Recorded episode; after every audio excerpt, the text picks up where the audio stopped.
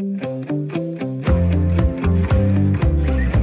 lytter til Småt Op med mig, Jens Fulmer Ebsen.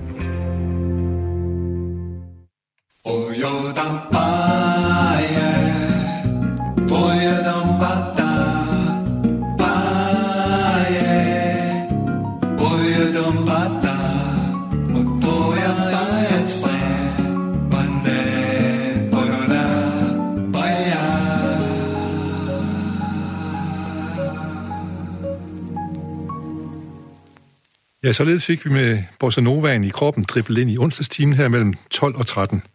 Programmet er småt op. Det er et program, der ved, at man kan komme til kort, selvom man er lang. Program, der tror på, at det, der står med småt, kan have stor betydning.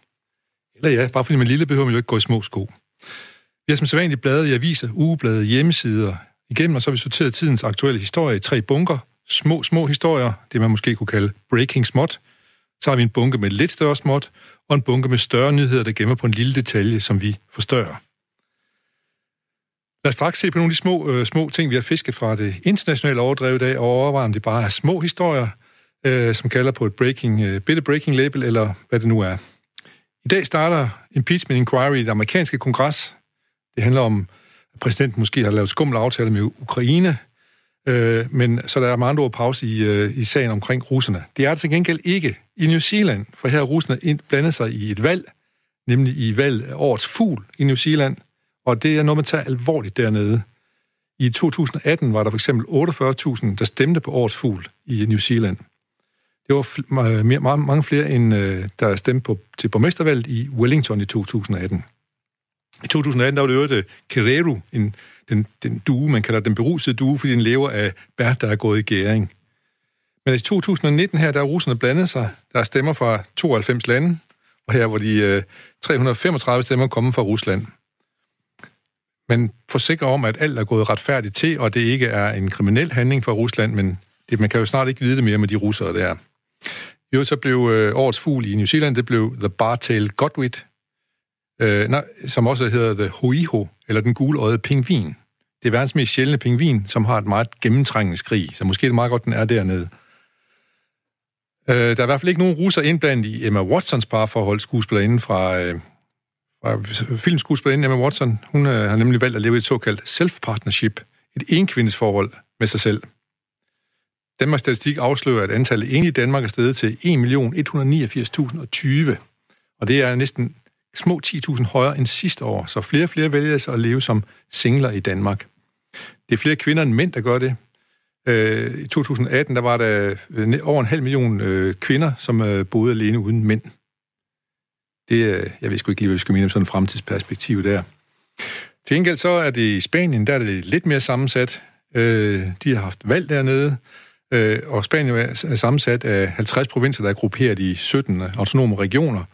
Katalonien, Baskeland, Extremadura, Galicien, Andalusien osv. Øh, der har man haft valg, og man kan sige, at valget afspejler også, at, det er, at de er meget forskellige dernede. Der er, der er mange forskellige partier, der kommer ind, og det det parti, der gik mest frem, var det højreorienterede parti, som øh, gik øh, frem øh, og fik...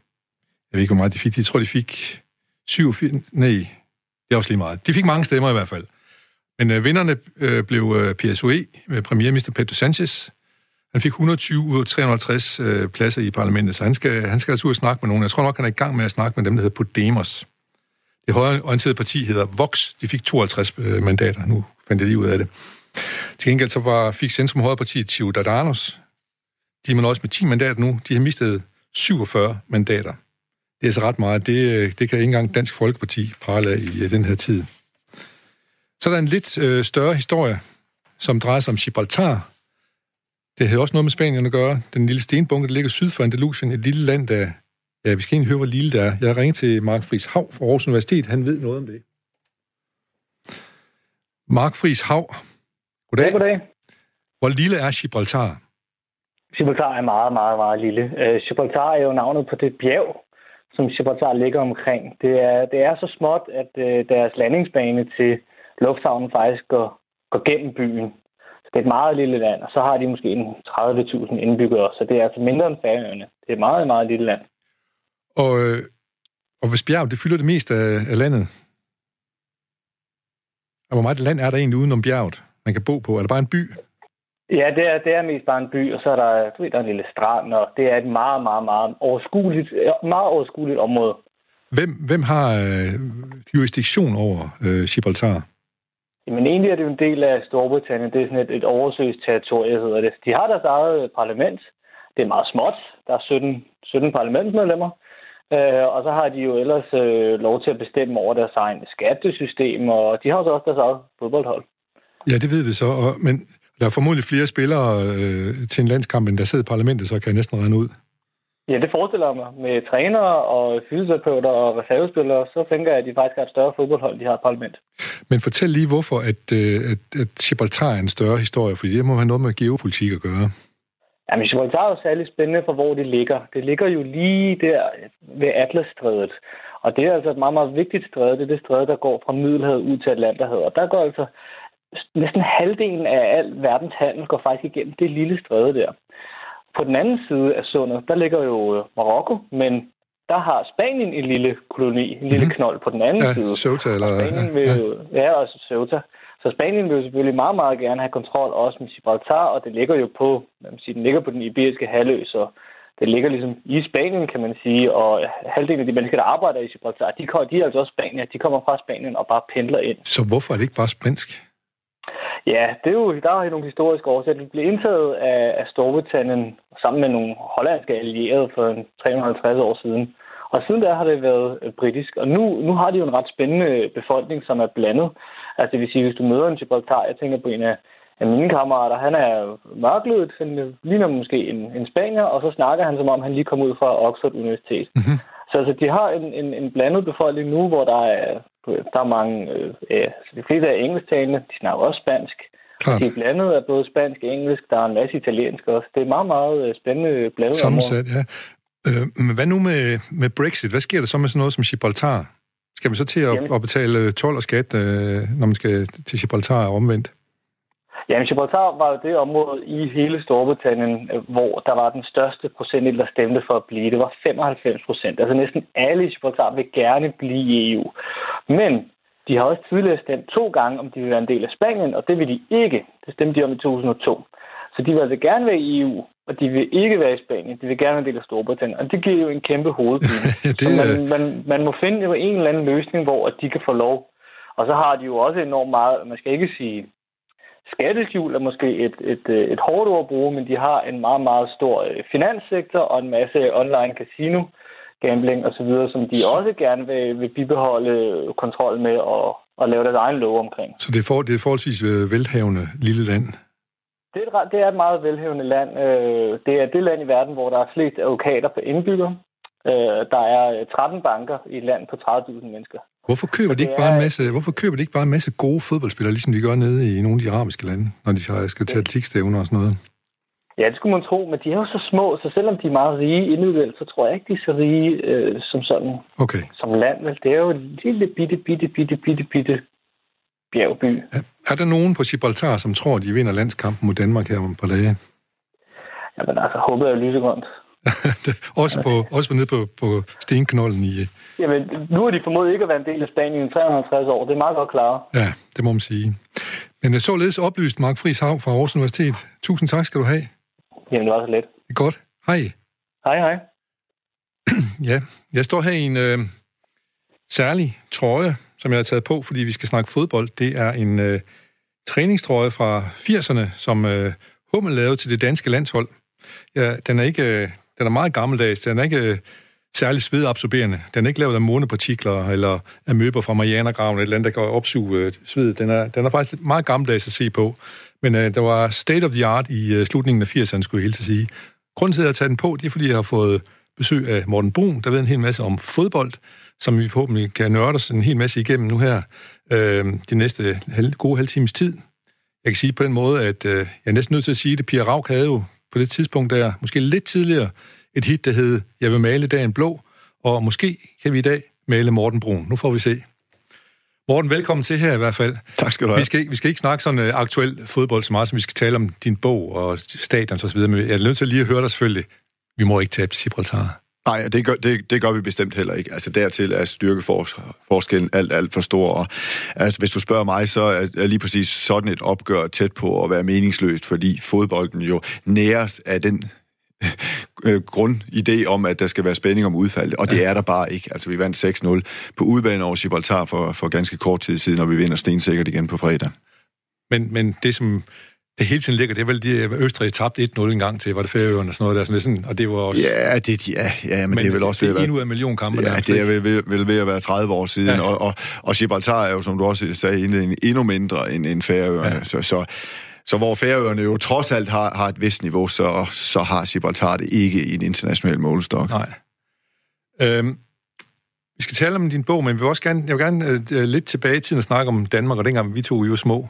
For vi har formodentlig begge to nørdet rigtig meget fodbold dengang. Hvor startede din fodboldkarriere hen? Var det i, Uldum på højskolen, eller? Ja, den startede i, i Uldum IK.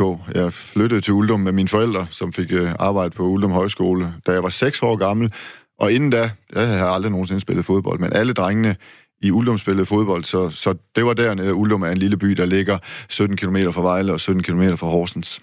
Og nu har du skrevet om de største stadions i England. Hvordan var stadion i Uldum? Det var meget lige det, det, som man vil finde i rigtig, rigtig mange serieklubber. Vi havde, som jeg husker det dengang, øh, to, to 11-mandsbaner. Der var jo ikke kunstgræs dengang, så vi, vi spillede på græs. Og, øh, jeg husker, jo, det, altså, der var jo den... Øh, der var jo den bane, der var tættest på klubhuset. Det var der, hvor, hvor første hold spillede, og hvor, hvor i det hele taget de fleste kampe blev afviklet. Og så var der træningsbanen om bag. Vi, vi, vi havde et klubhus med, så vidt jeg husker, to omklædningsrum og det, og det lille kafeteria. Jeg forestiller mig, det er faktisk mange år siden, jeg har været i Ullum, jeg forestiller mig, at faciliteterne er lidt bedre i dag, men grundlæggende, så, og det er jo også det, som gør fodbold til den globale idræt, som, som, som det jo er, at, at meget mere, eller meget, mere behøver man jo i virkeligheden ikke. Vi havde to fodboldbaner, og dermed havde vi en klub. Ja, men jeg, jeg husker i hvert fald, da jeg spillede ude i Høj, hvor John Stammes far, Peter Stamme, passede på stadion. Han lå og klippede med en neglesaks. Og vi, eh, vi mærkede jo sus den dag, vi var store nok til at få lov til at spille på selve stadion, i stedet for på en af de små, på højbanen eller nogle af de andre små baner. Var det det samme i Uldum? Var det sådan en sus, når man fik lov at komme op på den store bane med de store spillede?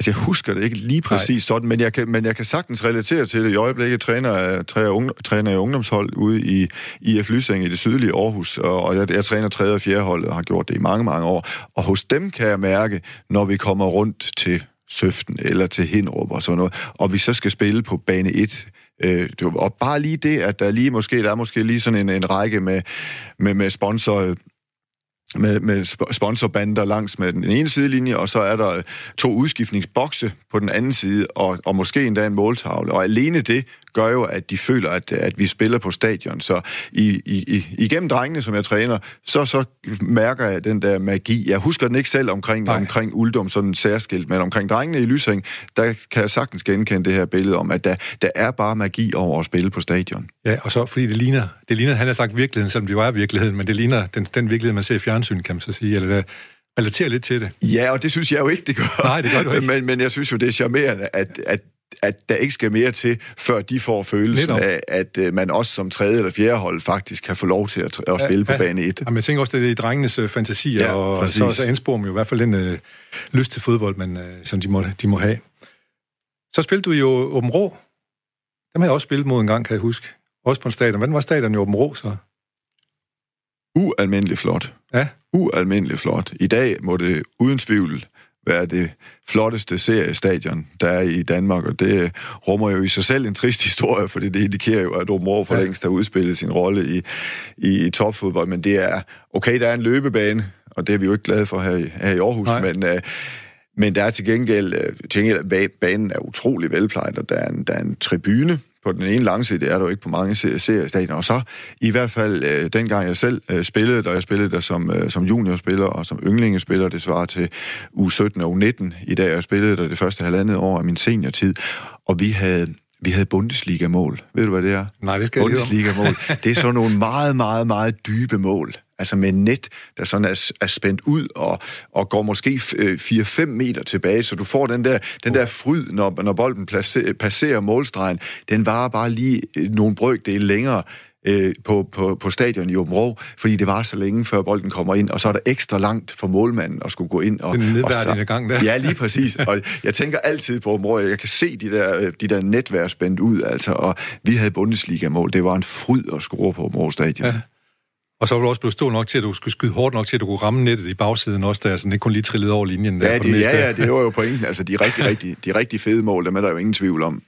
Nej, øh, ikke med den slags net der. Og hvad så? Øh, så, så, er, det, så er det Silkeborg, du øh, ud til?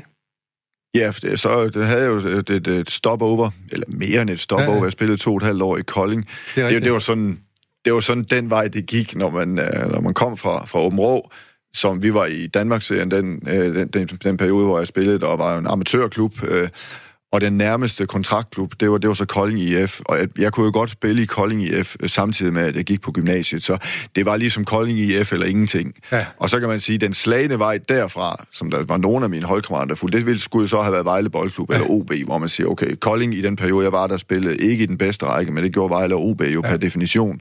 Men øh, der gjorde jeg så noget helt andet. Jeg, tog- jeg tog ud at rejse, jeg tog en rygsæk på ryggen og rejste til, til Asien og Australien og tog et år ud af mit øh, fodboldliv, hvor jeg bogstaveligt talt ikke rørte en fodbold. Og da jeg så kom tilbage, jeg prøvede faktisk, og øh, prøvede faktisk lykken i, i Vejle Boldklub. Øh, ja, Allan Simonsen spillede faktisk dengang, så det var, det var mega stort bare det at træne med Allan Simonsen. Jeg kan huske, at han engang råbte til mig, Skot spillede du der. Og det var jeg meget stolt af, men øh, det ændrede ikke på, at jeg var alt for dårlig til Vejle på det tidspunkt. Jeg skulle, jeg skulle starte et, et lidt andet sted, og øh, i, for, i forhold til, sådan, øh, til den række, hvor jeg startede der var Silkeborg IF egentlig ikke anderledes, fordi de var lige rykket op i den bedste række, men det var alligevel på mange måder et, et mere ydmygt sted, og et mere rigtigt sted at starte for mit vedkommende, og der kunne jeg også i stille og roligt øh, øh, starte. Øh, fik en kontakt til Viggo Jensen, deres træner, som, som jeg kendte en lille smule, og som han kendte mig, fordi han var, havde, været, havde været træner i Svendborg, da jeg spillede i Kolding. Så jeg fik lov til at træne med og spille på Danmarks øh, hold de første par måneder. Så det var, sådan, det var egentlig godt for mig sådan i, øh, i al anonymitet og, og, og ligesom kunne bygge min form og min fodboldfornemmelse op igen. Og så endte jeg så faktisk med at, at få debut det samme efterår, altså øh, efterår 1988. Og hvad jeg kan sige, dem der kender mit forhold til Silkeborg IF, vil vide, at når jeg siger, at resten af historien, hvad det handler om. Ja, det må man jo sige. Det vender vi lige sådan lidt tilbage til senere, men øh, man kan sige, at det er en formative år, men det er jo meget, øh, når man har de her formative år, så er det vel sjældent at tage, tage to år væk. Det gør en, en, en talentfuld fodboldspiller vel ikke i dag? Nej, det gør han helt, helt sikkert ikke. Jeg, jeg, jeg tog et år ud, Ja, et skal år, ja. siges, men det, det, man kan sige omkring det, var jo, at, øh, at jeg, jo, jeg må jo egentlig have opgivet og, og, og sådan at virkelig at slå igennem som fodboldspiller. Altså med Kolding IF rykkede ned fra den næstbedste til den, til den tredje bedste række, og, og det indikerede jo ikke, at der kunne ligge sådan en, en, en decideret karriere. karriere, foran Nej. Mig. Og så var det bare, det havde det bare altid været vores plan, min, min gode kammer, gymnasiekammerat øh, Bjarne og jeg selv. Og en del af, af ideen med at spille for Kolding var faktisk at spare penge sammen til den her tur. Så jeg, har aldrig, jeg, kan, ikke, jeg kan ikke huske tilbage, øh, jeg kan ikke huske, at, at jeg på noget tidspunkt var i tvivl om, hvorvidt jeg nu skulle gøre det, eller ej. Det, det, det, det lå bare i korten, at det, det var noget, Det var vi skulle. Ja. Ja. Og, og, og det, det var en vidunderlig tur. Vi var i Pakistan, og vi var i Indien, og vi var i Nepal, og Den kunne du ikke tage i dag, den samme tur, kan man sige. Nej, og, men, men det skal også med, og det skal også med i billedet, fordi det kan jo godt komme til at lyde sådan øh, vældig eventyrlysten og fravælge den store fodboldkarriere. Men jeg havde ikke nogen stor fodboldkarriere og, og fravælge dengang jeg tog afsted, og havde egentlig heller ikke nogen speciel forventning om at få det, som man øh, vel nok godt kan kalde en, en fodboldkarriere. Men det fik jeg måske, det fik jeg så alligevel, og måske, Ja, det gjorde måske, ja, det gjorde jeg vel nok. Øh, måske hjalp det mig, det kan jeg jo ikke vide, øh, men jeg kan jo godt lide tanken om, at øh, det i hvert fald gav mig et perspektiv på nogle ting, som, øh, som var brugbart i, i forhold til, til fodbold, fodbolden som erstatning for det år, som jeg jo mistede, kan man sige, i min udvikling. Så du, har- du stod ikke nede i Koldingen og tænkte, her er Jan Mølby spillet før, han spiller i Liverpool nu. Det er mig om fem år, sådan tænkte du overhovedet ikke. Nej, for jeg kan fortælle dig, at Jan Mølby en gang imellem kom tilbage øh, til Kolding, når han havde ferie og spillede med til træning, så jeg kunne godt se, at der var Det lysår mellem Ja. ja. Jan Mølby og mig. Hvordan, hvordan måler man egentlig det? Hvad, hvad, hvad, hvad kunne han, som du ikke kunne? Fysik? Altså i hans tilfælde vil jeg sige Ja, det, det hele. klart, altså, fysik der, der vil jeg ja. sige det hele. Det hele. Ja, fysik og teknik og- og... tilstedeværelse. Altså, det var ligesom, det var ligesom om der kom en spiller fra en anden planet ned og trænede med os. Altså, alting ændrede sig, når, når Mølleren var hjemme på ferie. Det gjorde det både i nattelivet, men også ja. på træningsbanen. Ja. Altså, du kunne bare, han lavede bare aldrig nogensinde en fejl, og han, han, når man spillede det der populære spil, som hedder 5 mod 2, sådan er sådan et opvarmningsspil, hvor man skal sørge for, at de fem, der spiller bolden rundt, skal sørge for, at de to er i midten. Altså, Jan kom aldrig nogensinde i midten. Han kom aldrig i midten, aldrig nej. Nogensinde. nej. Nej, han mistede ikke en bold. Nej. Og jeg mistede en del. Men øh, det har nok været en god øh, skole over i Liverpool, kan man sige. Det jeg husker, sådan. Jeg, jeg husker, jeg mødte øh, Ken Nielsen, han fortalte, at han var kommet til øh, Aston Villa på et tidspunkt, og der havde han fået at vide, du sætter hovedet på alt, der er i knæhøjde og over. Så han, han, han sagde, at han var nærmest ikke bestilt andet at bruge hovedet, da han var i England. Nej. Men på en anden måde end så mange andre, kan man sige. Ja, det, det, det var selvfølgelig det var en helt, helt anden fodboldskole, ja. som de kom i, og i dag kan jeg da godt misunde Kent Nielsen og Jan Mølby med, med flere øh, den fodboldtid, de havde i England, for det, det er jo senere blevet et fodboldunivers, der for, for, for mit vedkommende nærmest er ren magi. Ja, det må man jo sige. Jeg kan sige lige for, for min eget vedkommende, så øh, var vi kommet i talentfinalen med vores OB hold, hvor vi skulle spille mod Brøndshøj og sådan noget. Men der havde jeg faktisk lige mødt en kæreste, og hun spurgte mig, at jeg var med til Mallorca. Jeg har aldrig siddet i en flyvemaskine før, da jeg var 18 år. Hvad vælger man så? Man får en ny passion. Ikke fodbold, men noget helt andet. Du tog til Mallorca? Jeg tog simpelthen til Mallorca med min, min kæreste der, ja. Godt valg. Ja, det, det var det. Det fortrød jeg heller ikke. Men hvad så øh, Silkeborg Stadion? Der øh, må man jo sige, at øh, du snakker om, du, du sætter lidt spørgsmålstegn, hvem du havde en karriere. Det havde du, du var Danmarksmester for pokker på, med Silkeborg. Ja, det er, det er rigtigt. Det, det er rigtigt. Det, det var da en stor overraskelse. Altså, en upagtet klub, kan man sige, ikke? I forhold til det. Hvis man det, kigger historisk. Ja, men det var det, der, det var det der i høj grad. Altså, jeg vægter bestemt også mit øh, ene mesterskab med, med Silkeborg meget højt, fordi, øh, og det siger jeg uden, øh, uden hån i stemmen, men altså dengang, hvis du skiftede til Brøndby, så var du stenstikker på at blive mester, og det kunne, det kunne hvem som helst jo så ikke gøre. Nej. Det er jeg også med øh, øh, bevidst om, men, men jeg synes da bestemt, der var noget over det at komme til en øh, nyoprykket klub. Jeg var jo ikke selv med til at rykke Silkeborg op i den bedste række, men komme til en øh, upagtet klub, og så ende med at, at spille i en klub, der blev Danmarksmester, og som i mange år spillede med i, i Europakoppen. Altså, det synes jeg, der er anderledes større, end hvis du kommer til en veletableret mesterklub og bare bliver ved med at vinde mesterskaber med den. Ja, så, hvor du bare god nok til at være med sådan en form for blind passager, ja, kan jeg næsten ja, sige. altså, jeg, jeg, jeg, jeg, jeg mener da helt bestemt, at os, der var i Silkeborg i de der tidlige 90'er, vi var, vi var med til at, at bygge noget op, som måske nok ikke var for sådan langtidsholdbart over, over, over rigtig, rigtig mange år, men, men vi etablerede jo Silkeborg i, i toppen, i den absolute top af den bedste række i, i, i en årrække, og det sørger jeg faktisk også nogle gange for at minde folk om, fordi når de spørger mig, men hvor spillede du henne, det spørger min, det drenge, jeg træner, mig jo tit op, så siger jeg, at jeg spillede i Silkeborg, i de år, hvor Silkeborg i den næstbedste række, der føler jeg alligevel lige en trang til at fortælle om, hvad Silkeborg egentlig var for en størrelse ja. dengang, og det er jo ikke forkert, fordi vi, vi var saftsus med gode, og på den måde er Jamen, ved, så, så kan, kan jeg jo godt øh, følge dig i, at, at man kan kalde det en karriere, fordi det var, det var nogle specielle år i Silkeborg, og jeg er vanvittigt stolt af det, som vi byggede op, og selvfølgelig var... Pokalvind også, ikke? Altså, ja, vi blev ja, også pokalmestre, så...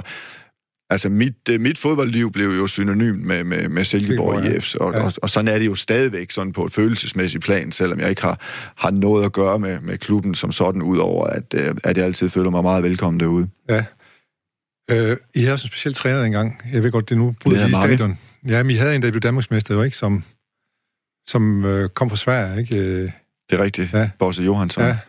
ja, for at forstå øh, øh, Bosse Johanssons værdi for os, så skal man også forstå Viggo Jensens værdi for Silkeborg IF. Viggo Jensen var den, der kom. Han var der inden, han var inden jeg kom. type. Ham husker jeg som brutal. Ja, han, var ikke, han var ikke brutal, han, var, men han var, princip, han var principfast, og han fik ændret hele holdningen i Silkeborg IF fra sådan en, om det går nok, og, og, og så hygger vi os lidt til, at øh, nej, hvis vi skal vinde, så har det en pris. Og, og det var jo Viggo, der, der rykkede op og formede Silkeborg og bragte Silkeborg til et punkt, hvor vi, må, hvor vi nok på det tidspunkt havde brug for noget ny inspiration. Øh, og det fik vi så i skikkelse af Bosse Johansson. Viggo var i, i, i Silkeborg i seks et halvt år, som jeg husker det, og jeg var med det meste af vejen. Så kommer så Bosse Johansson, som har et andet syn på det at have med voksne mennesker at gøre. Altså, Viggo kunne ikke alt, øh, altid frelægge sig den der øh, kontrollerende øh, træ, trænerrolle. Han, han ville gerne have, have styr på det hele, ja. hvor, hvor Bosse var sådan mere humanistisk i, sin, øh, i sit grundsyn, og han havde sådan den her indstilling, øh, den her grundholdning om, at øh, uanset hvor dårligt vi, hvor dårligt vi præsterede, så havde det været vores intention at gøre vores, øh, gøre vores bedste. Så han frigjorde nogle ressourcer, Bosse Johansson, og vi fik også tilført et par rigtig, rigtig dygtige spillere. Så lige pludselig, så blev det bare sådan øh, nærmest symbiotisk derude i sæson nummer to under Bosse Johansson. Da den startede, vidste jeg ikke, hvor vi var på vej hen, det skal nej, jeg ærligt sige, nej. men lige pludselig så klikkede det hele, mærkværdigvis nok, øh, efter at øh, umiddelbart efter, at vi har solgt vores bedste spiller, Jakob Kjellberg, til Chelsea. Men lige pludselig skete der bare noget med, med kollektivet. Ham, der kom op i stedet for Kjellberg og Peter Sørensen, viste sig at være lige præcis en, den brik, vi måske, vi måske manglede. For i hvert fald, så, så endte det hele ja. jo altså med, at, at vi blev Danmarksmester i 1994. Og så helt kort, så, så blev Boss jo også landstræner.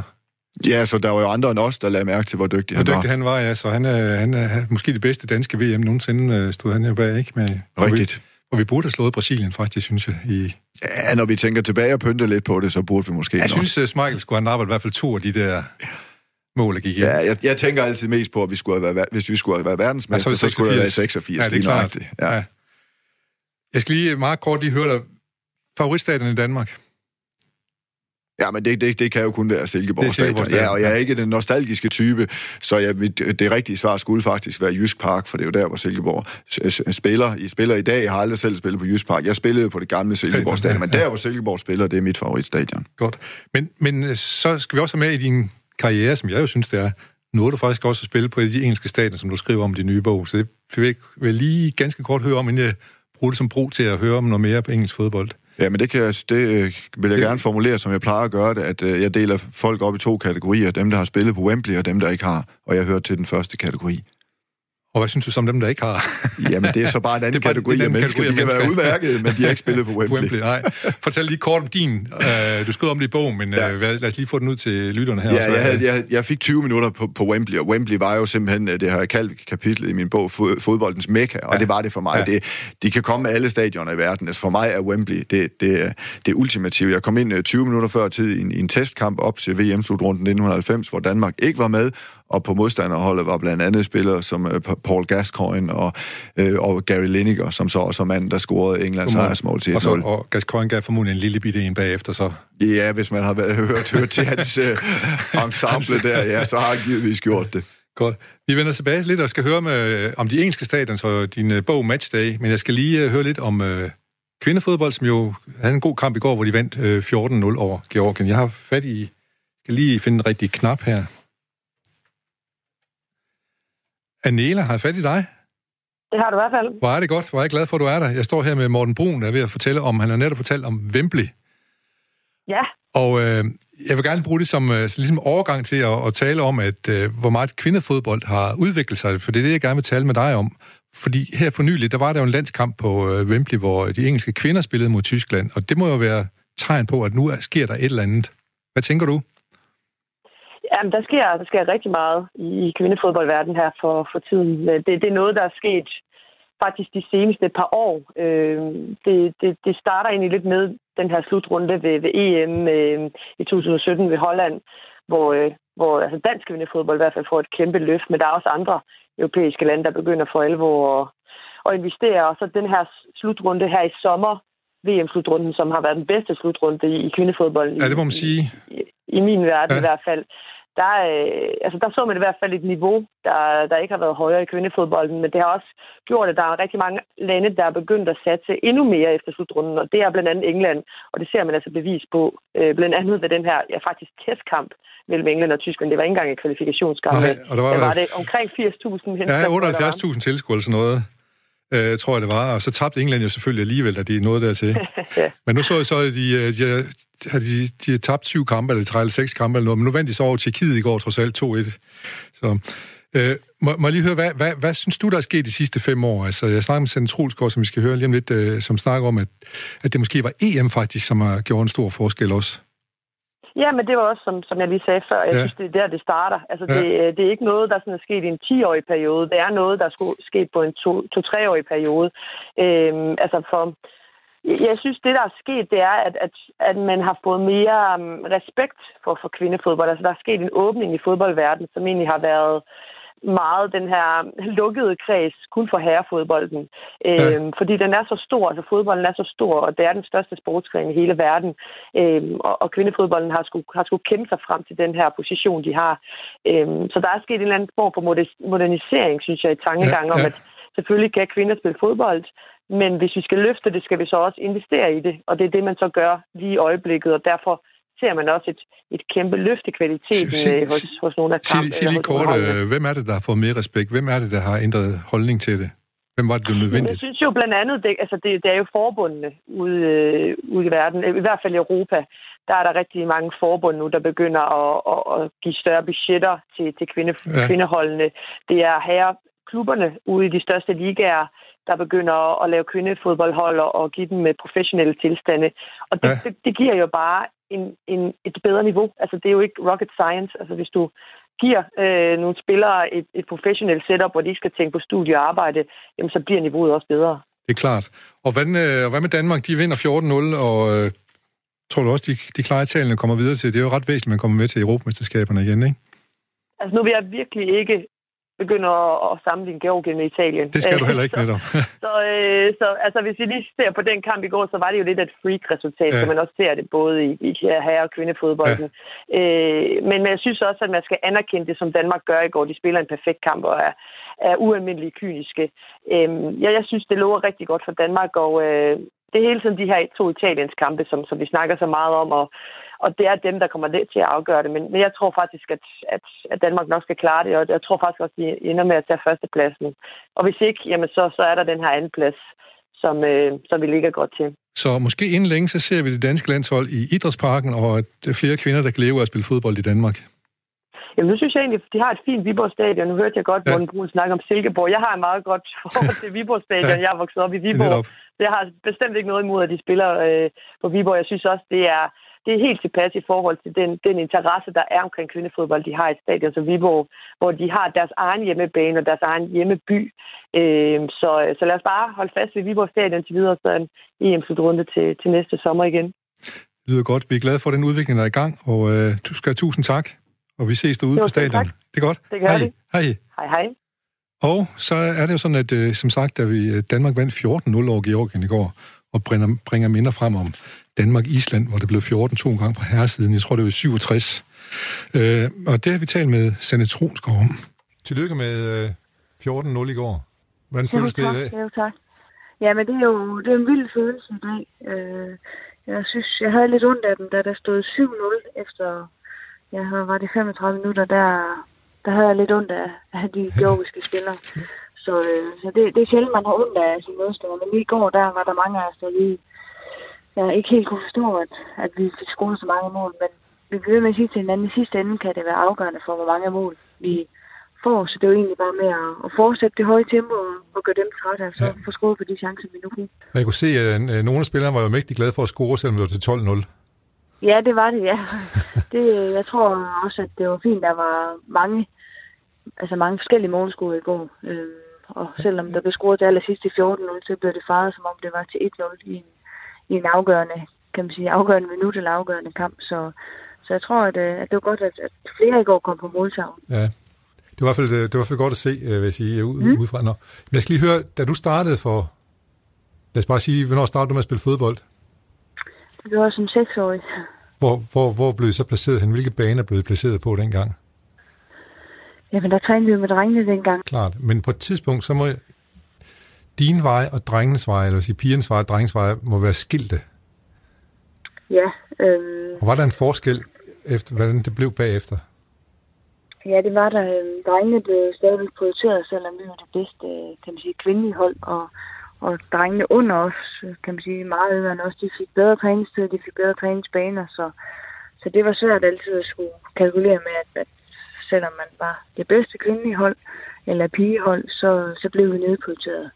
Og det tror jeg, det kan jeg genkende til, eller det kan min holdkammerat også genkende til den dag i dag, at, at sådan tror jeg, vi alle sammen har haft det gennem hele vores ungdom.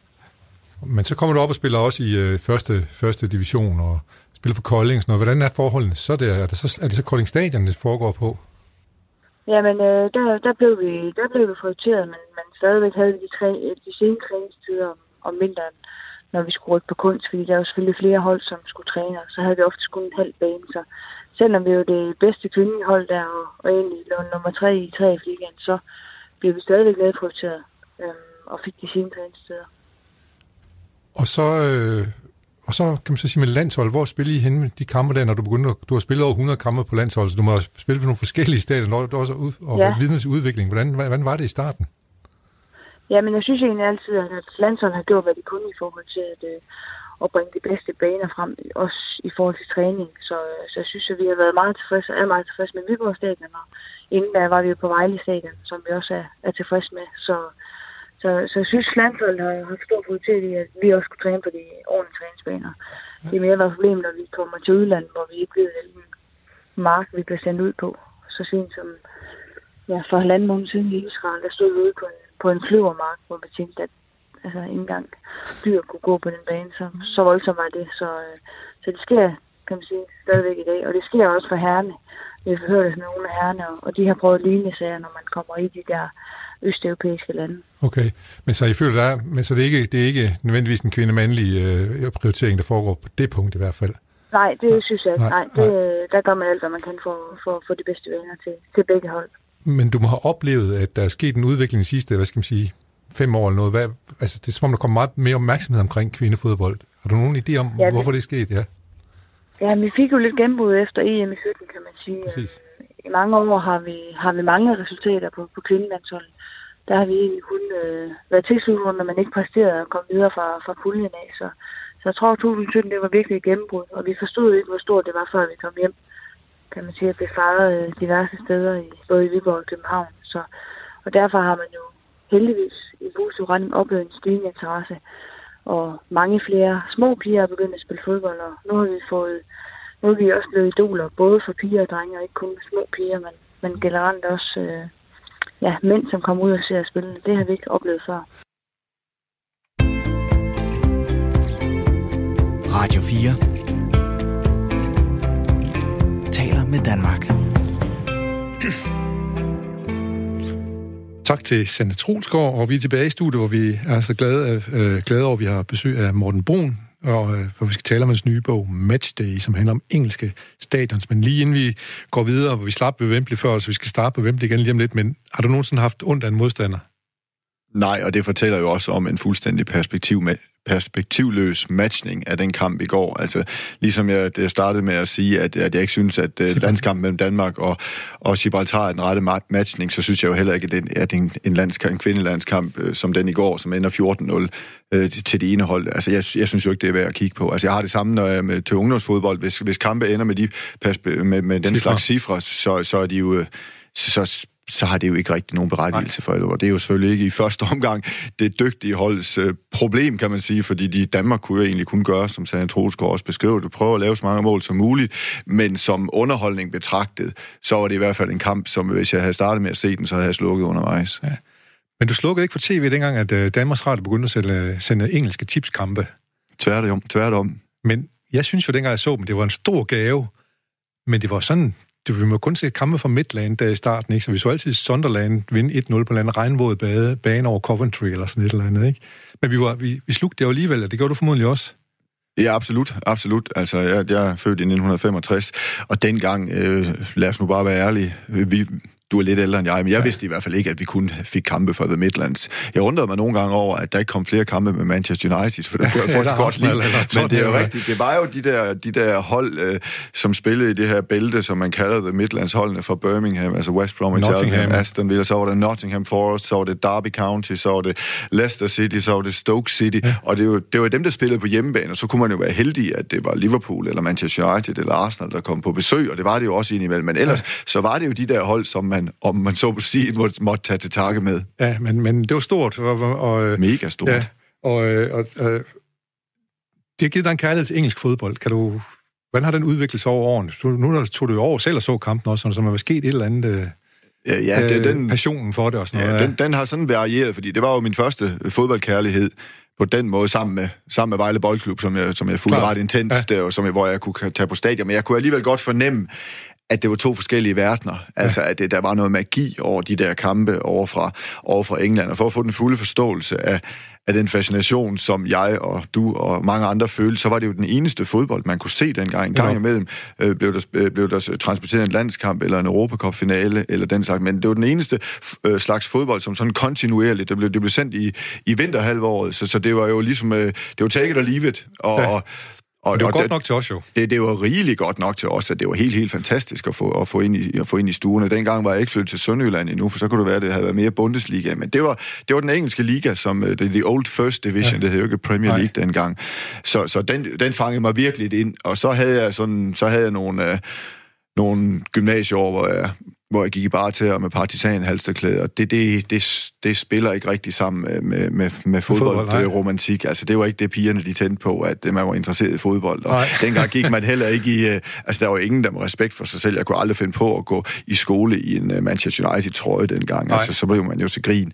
Så, så der blev det sådan nedtonet, og det var egentlig nedtonet i mange af mine aktive år, fordi det der med, det var lidt, det var lidt svært. Jeg oplevede det specielt med Peter Schmeichel, for jeg var jo Manchester United supporter, og, og da jeg så kommer på landsholdet, så kan man spille sammen med en, som man er fan af. Altså, det, det var sådan, den, den, den var lidt underlig, men, men, men der var så også lige ved nogle år ude i Silkeborg, hvor det var navnlig øh, to af mine holdkammerater, Peter Kær, der var meget glad for Liverpool, målmanden, og Boris Sivkovic, der var meget glad for Manchester United, og jeg selv var meget glad for Manchester United. Så det havde vi en masse glæde af, og en masse ja. af. Så der blomstrede det sådan op, op igen, og så må man jo sige, så tog det jo for alvor fart, da det, da det blev mit job. Og så, Klart. så, så blusede den her gamle, gamle kærlighed okay. i den grad op.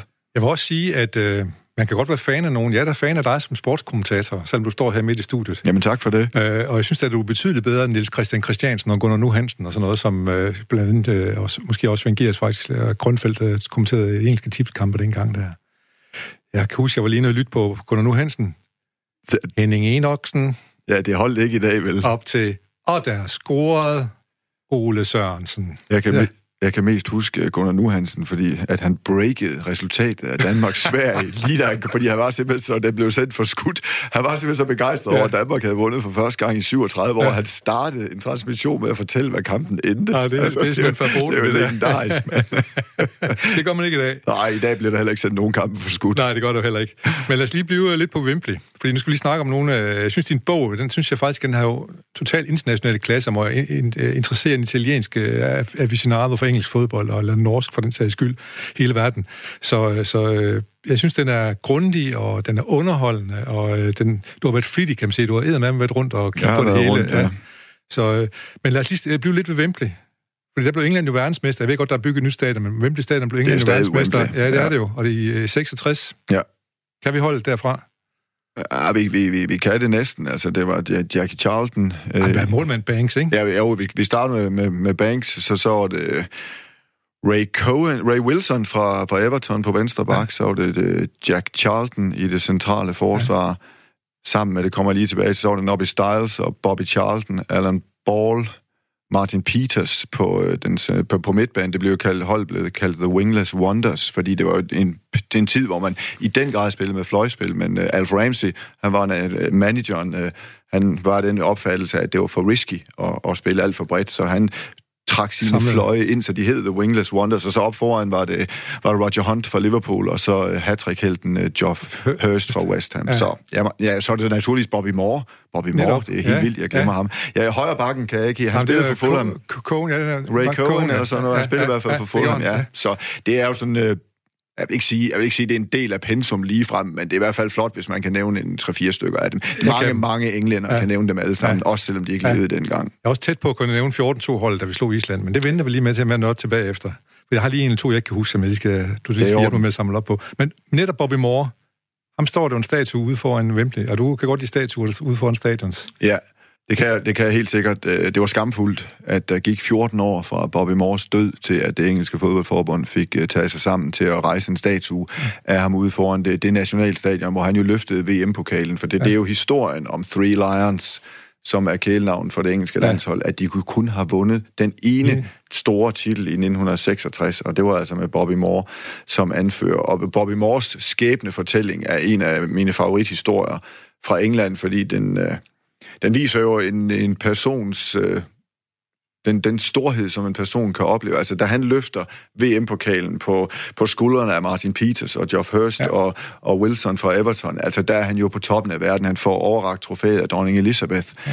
Og, og så, må vi, så må vi jo være cirka 20 år tilbage i tiden. Der så han i et omklædningsrum op i Aalborg, har tabt 0-5 til Aalborg Freja med Herning Fremad, og der går Helge Sander, der er værende formand for Herning Fremad, han går hen til Bobby Moore og siger, her er dine sidste 5.000 kroner, du skal ikke komme tilbage, det er slut. Det må så være stå som den ultimative ydmygelse og en afslutning på en fodboldkarriere, som noget menneske kan få, ja. i forhold til, at han så øh, 20 øh, år for inden har løftet ja, VM-pokalen. Højde flyve, ja, dybde fald, kan man sige, sige. fra 4-2 mod Tyskland i en VM-final på Wembley til en 0-5 nederlag mod Aalborg Freja. Det, der er langt. det, der, der er, er godt nok langt, langt ja. ja.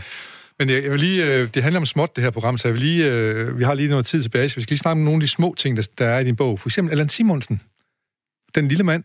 Den lille mand med Som det... var det, det store karriere i Barcelona og Mönchengladbach. Allan Simonsen var min barndomsheld. Jeg lavede skrabbøger med Allan Simonsen, som, som jeg siden han har, for, har foræret ham, og som han blev meget glad for at få. Jeg, jeg blev stor fan af ham, da han spillede i Borussia Mönchengladbach. Jeg har ikke set ham spille for Vejle, jeg spillede mod ham, da han kom tilbage til ja. Vejle, men inden han øh, tog ud, har jeg, ikke, har jeg ikke oplevet ham. Og så kom han jo til FC Barcelona, og, og det var jo den rigtige karrierevej, ja. altså. Og så lige pludselig... Og blev jo som den første dansker øh, europæiske øh, fodboldspiller, ikke? Ja, altså over han blev årets ja. europæiske fodboldspiller i 1977, ja. da han stadigvæk spillede for Borussia Mönchengladbach. Ja. Vandt Europacupen for pokalvinder med FC Barcelona. Scorede. Så scorede et af målene og lavede op til den og så skiftede han til ikke Juventus, ikke Bayern München, men Charlton i den næstbedste engelske række, og det er det mest mystiske klubskifte, en dansk fodboldspiller nogensinde har lavet. Altså, det gav ingen mening. Og jeg er heller ikke sikker på, at jeg i min beskrivelse af klubskifte får det til at give mening. Men man kan jo, i den sidste ende kan man jo ikke få det meningsløse til at give mening. Kapitlet, kapitlet hedder, at Allan var træt, og det er den begrundelse, ja. han selv giver, at han var træt af alt på styret nede i FC Barcelona, og han var navnlig træt af det faktum, at FC Barcelona netop havde købt Diego Maradona, så dermed var var der lagt op til, at Diego Maradona og Bernd Schuster skulle indtage de to udlændingepladser, som der var på FC Barcelonas hold. Altså, så længe de spillede, så måtte Allan Simonsen sidde på bænken. Hvis der en af dem blev skadet, så måtte han gerne spille. Men det, det, lod, han, det lod han så altså ikke byde, Nej. Allan Simonsen. Og, men det er alligevel meget... Jeg har lavet Annette Simonsen, hans daværende kone, få det sidste ord i fortællingen om Allan Simonsen i Charlton, hvor hun, hvor hun øh, er citeret for fra, fra en bog om Allan Simonsen, at øh, Allan ville aldrig indrømme, at han tog fejl, men det var en fejl at forlade FC Barcelona. Ja, ja. Fik, tror du, han fik en boksen for det, eller hvad? Altså, det er også lige meget, fordi vi, også som er passionerede omkring fodbold, vi kunne bare ikke have det. Ja, men det var det, der var pointen. Han, han troede jo, han ville få den, men ja. han, var jo, han var der jo kun i ganske få måneder, for det, det, det viste sig jo, at, øh, at der slet ikke var, var, var hold i, i alle de gyldne løfter. Og han havde selvfølgelig også, han havde fået stillet i udsigt, at de ville bygge et stort hold op, og han ville tjene rigtig, rigtig mange penge, og de skulle i, i, den, i den bedste række, men det skete jo aldrig. Og det, men han havde så været snu nok til at få indfløjet en klausul i sin kontrakt om, at hvis pengene ikke faldt til tiden, så kunne han bare rejse. Men det, der så var sjovt, var, at så rejste heller ikke der, rejste han til en, han var 29 år gammel, ja. heller ikke der rejste han til en af de andre store adresser i fodbold i Europa. Så rejste han hjem til Vejle. Som jo er så stor i vores lille bog. Ja, det er, det men, er klubben men, jo, men, men på en igen, international målstok. Ganske, har man bare kort sige, altså, vi kunne ikke lide, at han, at han gjorde det, vel? Nej, altså, vi var skuffede. Ja, ja, ja. Så, altså virkelig, vi tænkte, ej, Allan for søren, ja. hvad, hvad, hvad gør du? Hvad, ja. hvad gør du med dit talent? Ja. Og hvad gør du ved os? Bare lige for at vise, hvor, hvor, hvor meget øh, din, hvor detaljeret din bog faktisk er, og underholdende er, så skrev du også om Niklas Helenius, der kommer til Aston Villa. Og så skriver du faktisk flere linjer om ham, som og han scorede ikke et afgørende mål. Han lagde heller ikke op til et afgørende mål. Han var lige ved at lægge op til et afgørende mål. Ja, og det, det for nogle gange illustrerer det. Jeg ved jo ikke, om Niklas Helenius havde fået en stor engelsk karriere, hvis nu Christian Benteke havde udnyttet hans øh, fine oplæg i kampen mod Liverpool. Men hvis Benteke havde det, så havde Aston Villa fået 1-1 i en kamp mod Liverpool. Det ville have været et stort resultat. Og så ville den første, det første indtryk, som Aston Villas supporter havde fået af den her nye og ukendte dansker, som de jo måtte være i tvivl om, ja. ville have været, hold da fast, han kom ind og lavede op til vores udlignende mål. Nu blev det bare sådan, når jeg, Benteke han brændte, og så endte Niklas Helenius ja. karriere jo, jo faktisk ganske trist i England med, at han fik det simpelthen, mm. som han senere selv har fortalt, en, en decideret depression. Depression, ja, det kan man så godt forstå. Hvad hedder det? Øh, men, men, men man må jo også sige, at den fascination, man har af fodbold, det er jo ikke de små detaljer, det er ikke derfor, man har dem. Fordi en, en ordentlig spiller vil jo være, vil være, være hvad hedder det, øh, konstant god, og ikke ja. kun i et enkelt øjeblik. Nej, det, det, er jo også, det, er, det er jo også rigtigt, men... Øh, Øh, og jeg, jeg siger heller ikke, at Niklas Elenius havde fået en stor engelsk Nej. karriere, men jeg siger Ja, bare, at det, modtagelse. jeg siger bare, at, det, at starten er utrolig vi- vigtig, når man møder sit, før, sit uh, publikum Ja. for første gang. Der er rigtig mange historier i din bog, som jeg, jeg har talt med om, altså, hvad hedder han, øh, Claus Bæk øh, Jørgensen for eksempel, og, Ham for op for Humlum ved Struer. som nåede at få en øh, karriere sådan i anden og tredje divisionsklub i England, og øh, fik faktisk en del ud af sit talent, ikke? Jo, men jeg vil jo gerne øh, også øh, be- benytte bogen til at, at, at, fortælle historier om, hvor stor øh, fodbolden er, også på de, i de lavere rækker i, i England. Og min påstand skal være, at Claus Bæk Jørgensen i Bradford, i Bournemouth, og hvor han ellers var, har oplevet mere end 99 procent af alle Superliga-spillere, mig selv inklusive. Sådan. Tusind tak, Morten. Vi må jo læse bogen, hvis vi vil høre mere om nogle af alle de andre ting, og jeg glæder mig til at læse de sidste fem kapitler, jeg tror, jeg mangler i den. Tak for det. Værsgo. Så bevæger vi os op mod radioavisen, som er lige ved at være klar. Læn dig godt tilbage. Jeg er sikker på, at nyhederne bliver rigtig gode i dag. Luk øjnene. Mærk solen ramme dig.